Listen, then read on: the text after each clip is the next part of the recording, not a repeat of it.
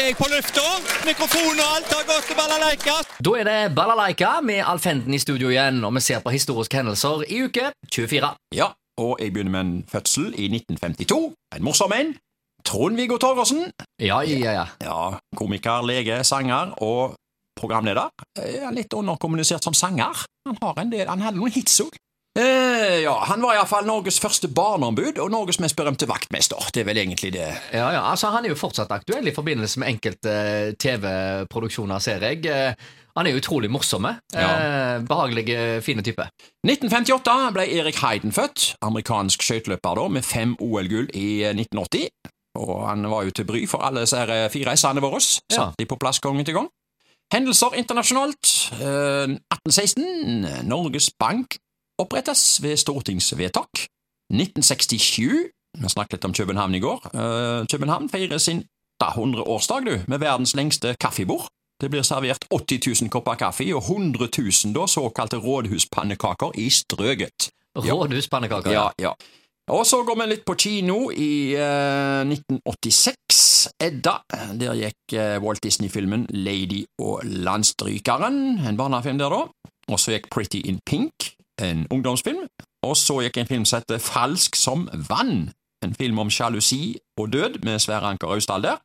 Og så gikk filmen Storbyens ulver. Mm. Det var kinomenyen i 1986.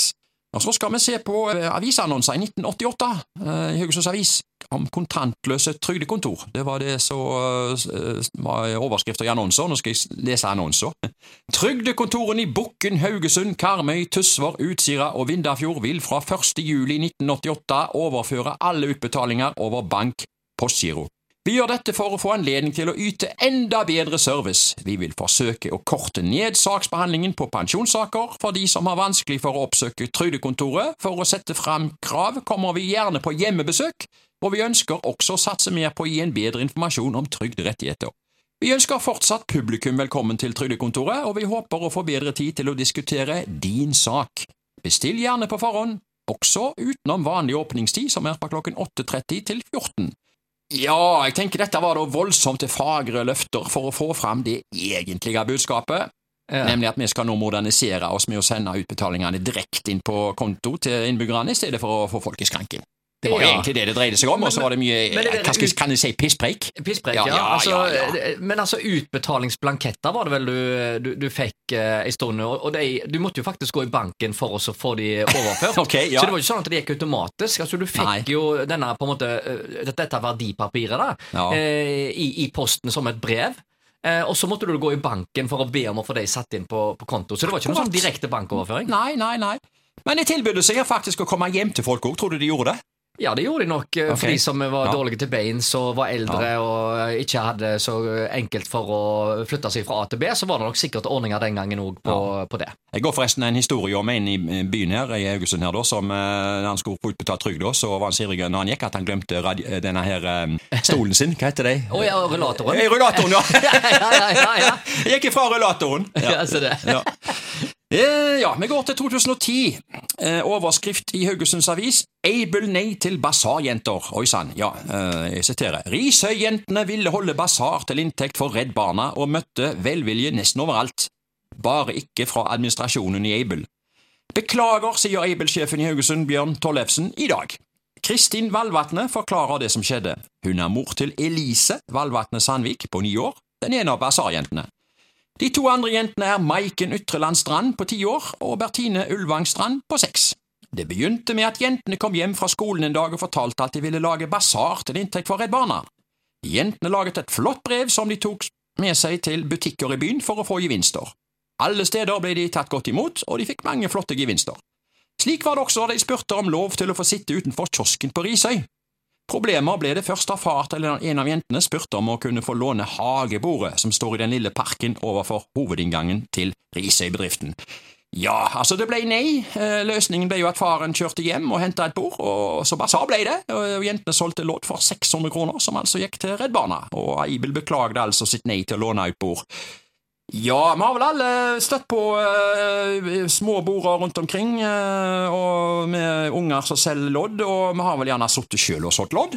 Jeg eh, tror faktisk talt at jeg ikke har noen minner om at jeg sjøl satt og solgte lodder, men altså, jeg har gjort det.